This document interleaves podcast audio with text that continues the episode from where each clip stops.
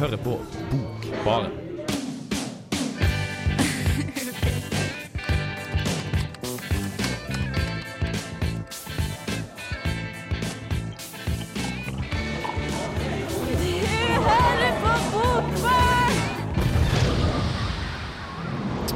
Det gjør du så absolutt. Jeg heter Martin Ingebrigtsen og skal sammen med Eline Bjerkan og Kristine Fredriksen og Hans Kvernsjøli faktisk gelede deg gjennom den neste timen med nyheter og ikke fullt så nyheter fra litteraturverdenen. Hans, hva gjør du her?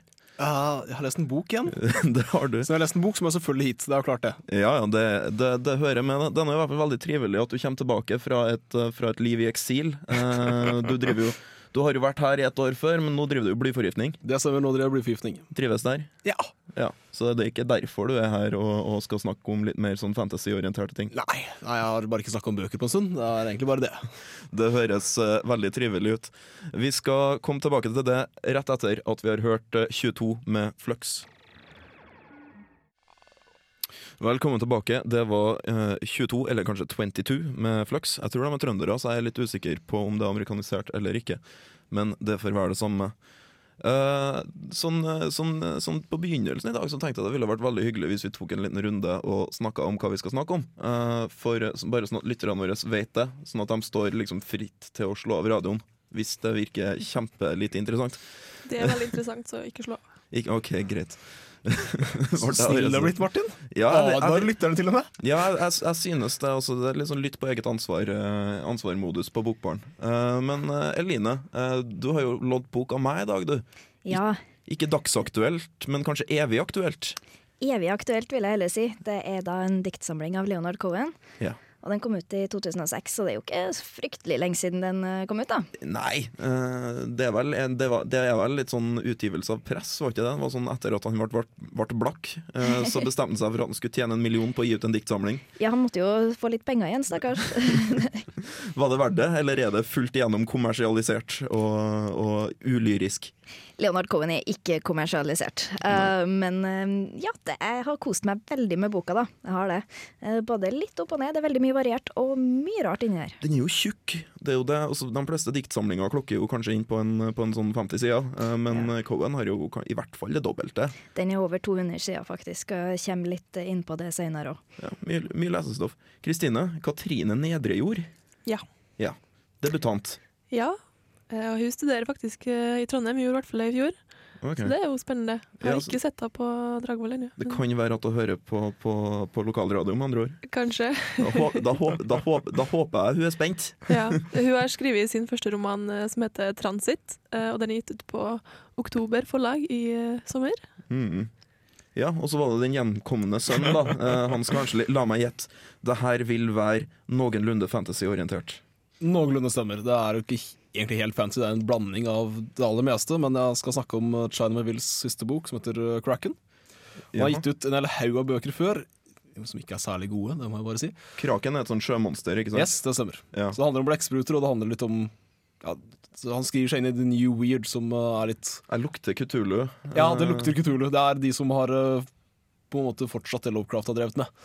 OK. Ja, nei... The new weird er litt De de er sære. Som jeg sa til deg før, jeg har jo lest ei bok av en um, for mange mange år siden uten at det imponerte uh, fletta av meg. Eh, men det kan jo være at han har blitt eh, voksen og flink til å skrive etter hvert, han. Vi skal komme tilbake. Er det noe du vil si før vi, Nei, før jeg vi har hører sagt, sagt det jeg ville si. Ok, Da skal vi høre det du har laga om China Mieville, eh, rett etter at vi har hørt Neil Cowley-trio med Gerald.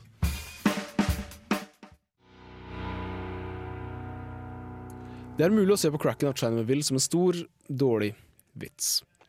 Hele boka er omtrent bare populærkulturelle referanser, sære ideer og et merkelig plott som ikke er i stand til å oppføre seg som folk. Og så må vi ikke glemme Dommedag. An everyday doomsayer in Sandwich Board abruptly walked away from what over the last several days had been his pitch by the gates of a museum. The sign on his front was an old school prophecy of the end. The one bobbing on his back read, Forget it. Billy Harrow har sørget for at det britiske naturhistoriske museets siste hovedattraksjon ville trygt og godt i en stor glasstank sammen med en passe mengde formalin. Perfekt, og perfekt bevart, kjempeblekksprut. Arkitetius. Men en dag er rett og slett ikke tanken, formalinen eller den 8,5 meter lange blekkspruten til stede. Borte vekk, uten et eneste spor. Politiet klør seg litt i huet, for så å sette sitt mest velegnede team på saken. Toothies, Baron said. Get it? Harrow, sit down. Billy had stood up and was walking towards the door. Toothies, Baron said. Get it? Tja, tja, toothies.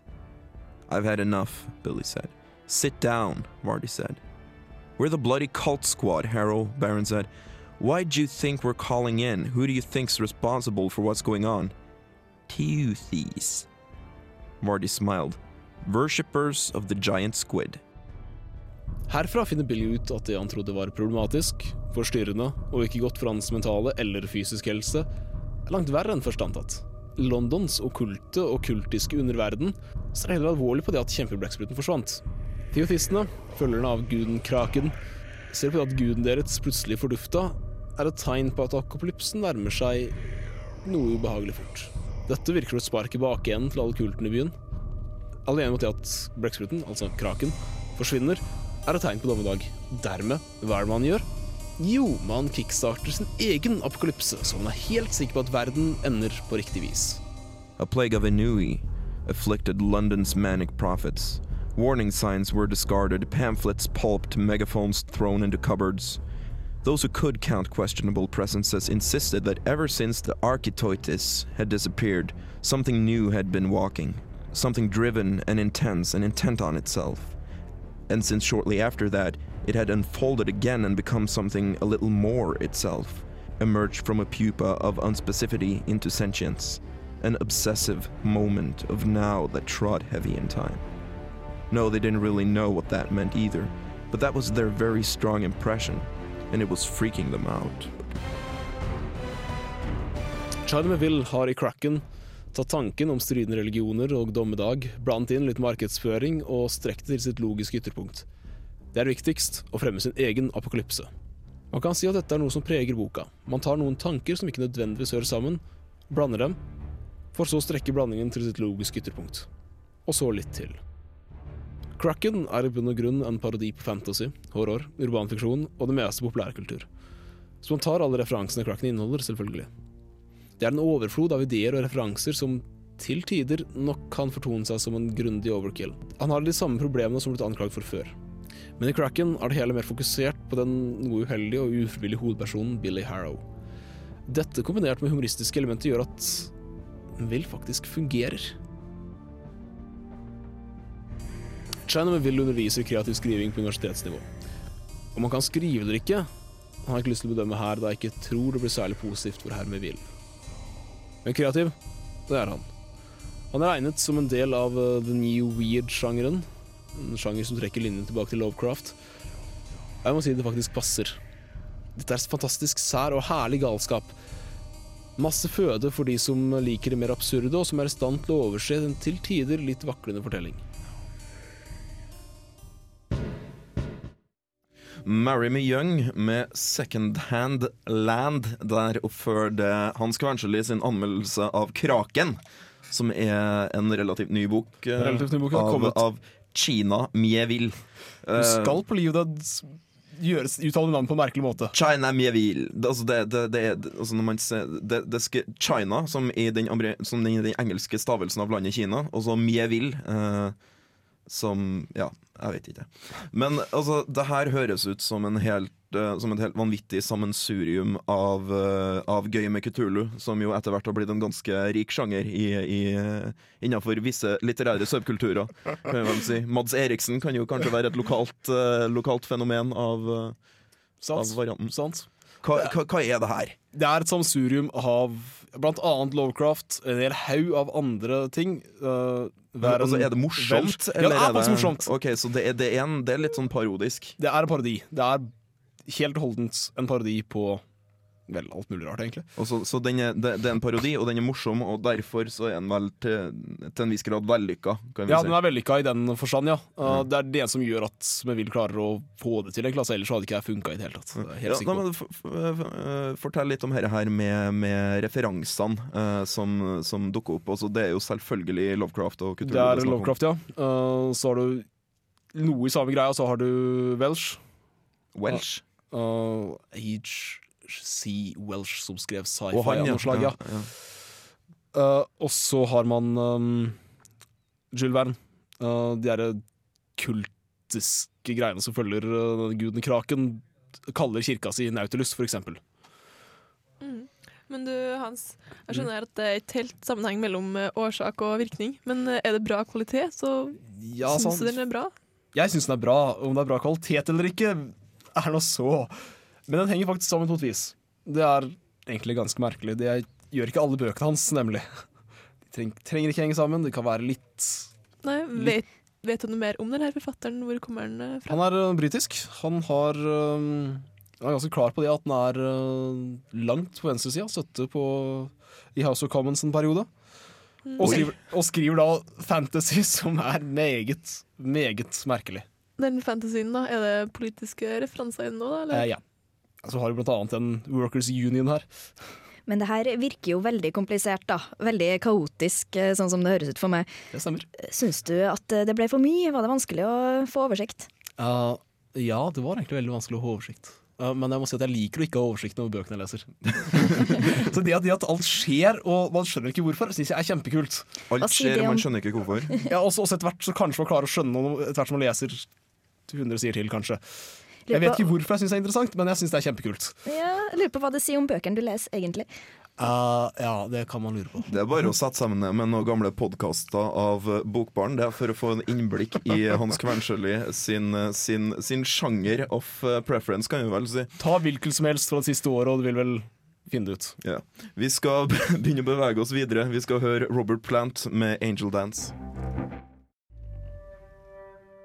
Roman 'Transit', Katrine Nedrejords debut, en romantisering over en ung kvinnes valg i livet. Hun føler seg ikke helt hjemme noen steder, og hun finner ikke helt sin tilhørighet i Norges hovedstad, i motsetning til sin vellykka eldre søster, og rastløsheten hennes tar over. Hun reiser til Paris for å jobbe, og begynner som advokatsekretær i et mindre firma. Snart forelsker hun seg i den 42-årige advokaten Simon, som har kone og barn. Slik blir det at hun prøver å finne seg sjøl gjennom en annen. Faren hennes døde da hun var tolv år, og delvis henger hun igjen som sørgende barn. Delvis finner hun også faren i kjærlighetsforholdet til den eldre gifte advokaten Simon. Dette er selvfølgelig et forhold med komplikasjoner, og hovedpersonen flytter hjem til Oslo, der hun i møte med mor og søster forstår at hun har savna det som tidligere var heim. Tilbake i Paris har Simon fortalt om elskerinna til kona, og da han blir kasta ut, kommer han på besøk til Oslo. Det er her, tilbake i Oslo, at fortellinga begynner, og Paris og Simon fortelles i retrospektiv. Romanens form er god. Historien kommer fram i strømmer, men ikke med jevn og konsekvent flyt, noe som er bra. Det fortelles fram i drift og avløsning, og lange perioder uten punktum gir et drømmeaktig preg.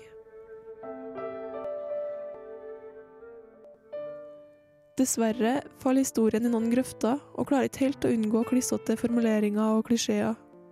Romantiseringa gjør at jeg som leser ikke helt klarer å tro på historien som fortelles, og da heller ikke blir dratt helt inn i den. Likevel, den blir ikke tung, og den har en viss dragningskraft. Formen er imponerende og spennende, om enn ikke helt original. Jeg fniste, luktet på vinen. Søt, men var det eik? Var den tørr? Jeg lo og sa at jeg ikke passet helt inn her, og han smilte og sa at det gjorde vel ikke han heller, men at han passer ikke inn der hjemme heller lenger. Jeg var et sted midt imellom, som om han satt fast i transitthallen på flyplassen. Han smilte da jeg forsøkte å reise meg, jeg tror jeg er nødt til å følge deg hjem.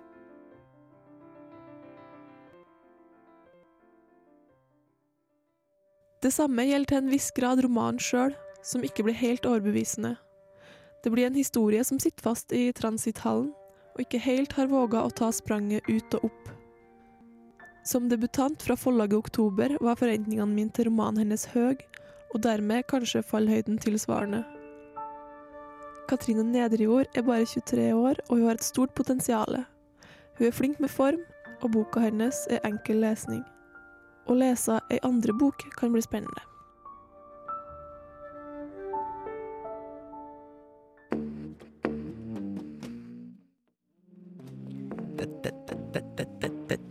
Håkon Kornstad. Altså, jeg blir veldig avslappa av eh, Håkon Kornstad sin eh, Oslo, som vi hører eh, forsvinne inn i distansen akkurat nå.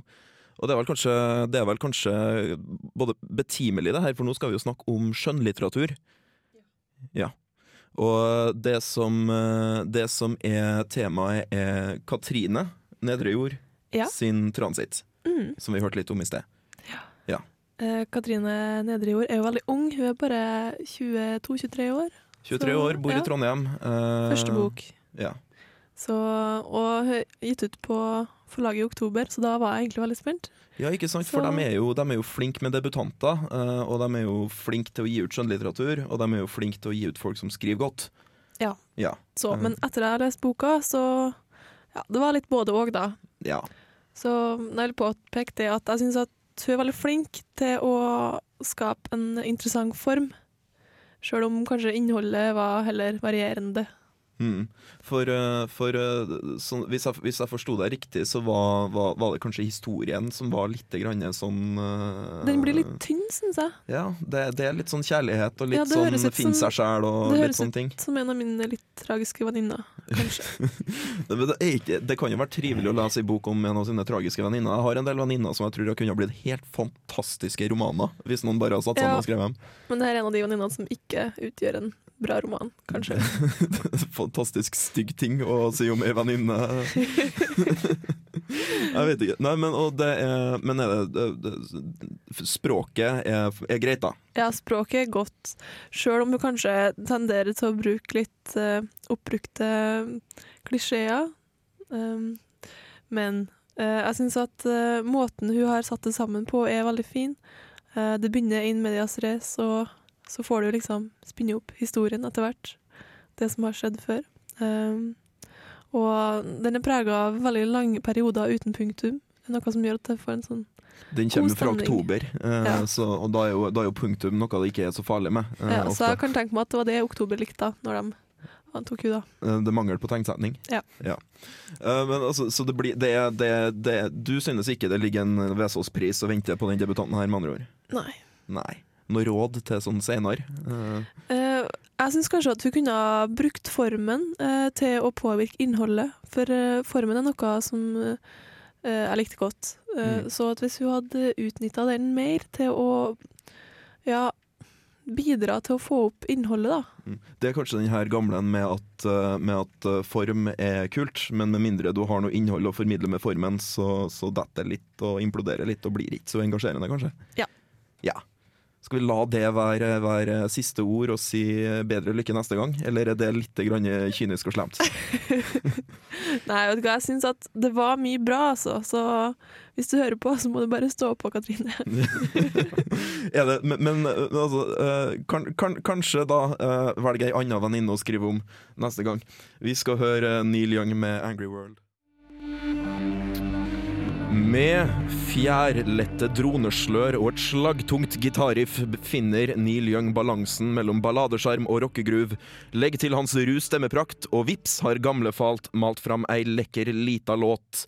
Tuftet på kontraster og herlig poprot Ja vel. kan vi lese om, eh, om eh, Angry World med, med Neil Young her på, her på dataskjermen vår. Vi skal fra Neil Young til en annen aldrende popballade-rockehelt. eh, Men den her skriver diktsamlinga, eh, og han heter Leonard Cohen, eller Line? Det gjør han. Det var jo den her diktsamlinga 'Book of Longing' som vi skulle snakke om, da. Ja. Eh, det, det, jeg husker, jeg har, jo, jeg har jo lest den her, jeg også. Jeg, må jo, jeg må jo innrømme det. Og jeg husker det første jeg tenkte når jeg så at den skulle hete The Book of Longing, var jo at det her må jo være noe helsikes emorot. Eh, fra en gammel mann som har mista alle pengene sine og er fraskilt, og i tillegg er nødt til å bo i Canada. Ja, det, det var jo en kritiker som snakka om Leonard Cohen sine dikt som at de burde bli solgt med barberblad.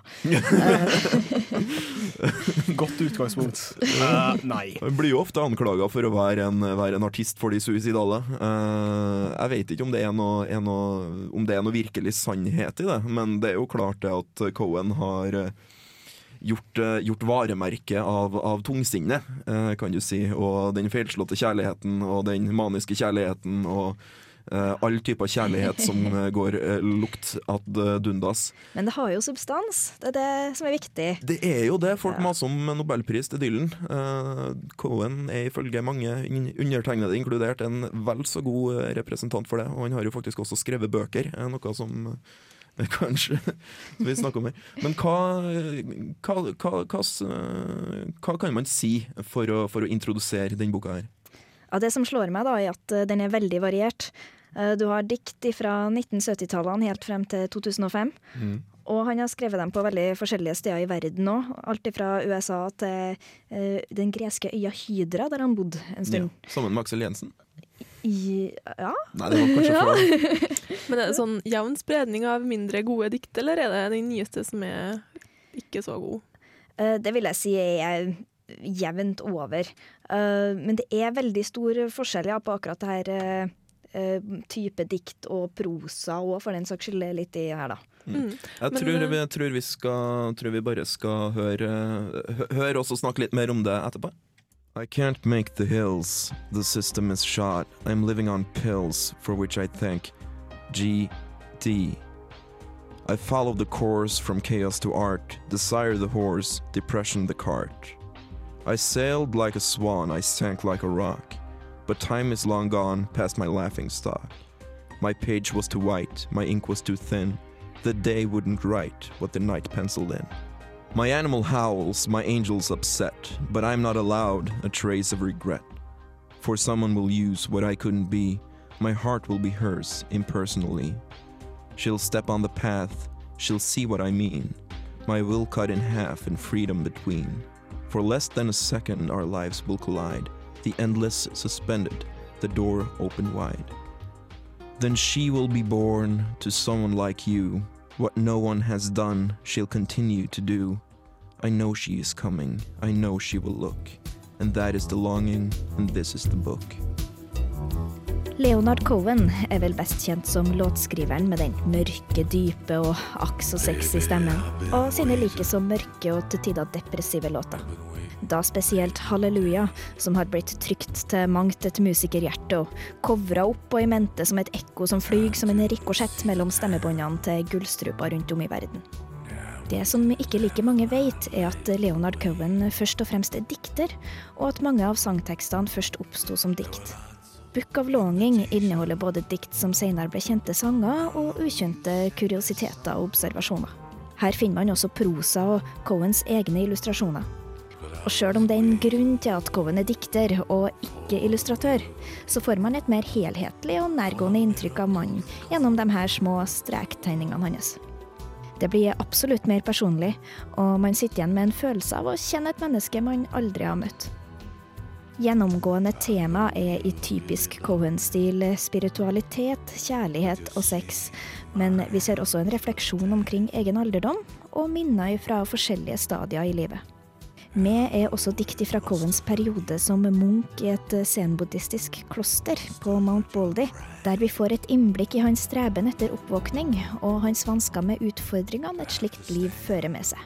Dette skaper en slags kontrast mellom kroppslighet og åndelighet, som lader diktene med en spenning og uforutsigbarhet. Mange av diktene er dype og tar for seg store tema, men er skrevet på en måte som likevel gjør dem tilgjengelig for den som er interessert i å utforske Leonard Cohens univers. Handlinga er sammenhengende og ofte med enderim som gir diktene en fin rytme og hinter til dets potensial som sangtekst. Det er stor variasjon i diktene, og kvaliteten varierer. Noen av diktene bleikner helt i skyggen av andre og føles overflødig. Book of Longing er likevel en skattkiste man finner mye gull i, og da får man kanskje finne seg i å støte på en eller annen gråstein.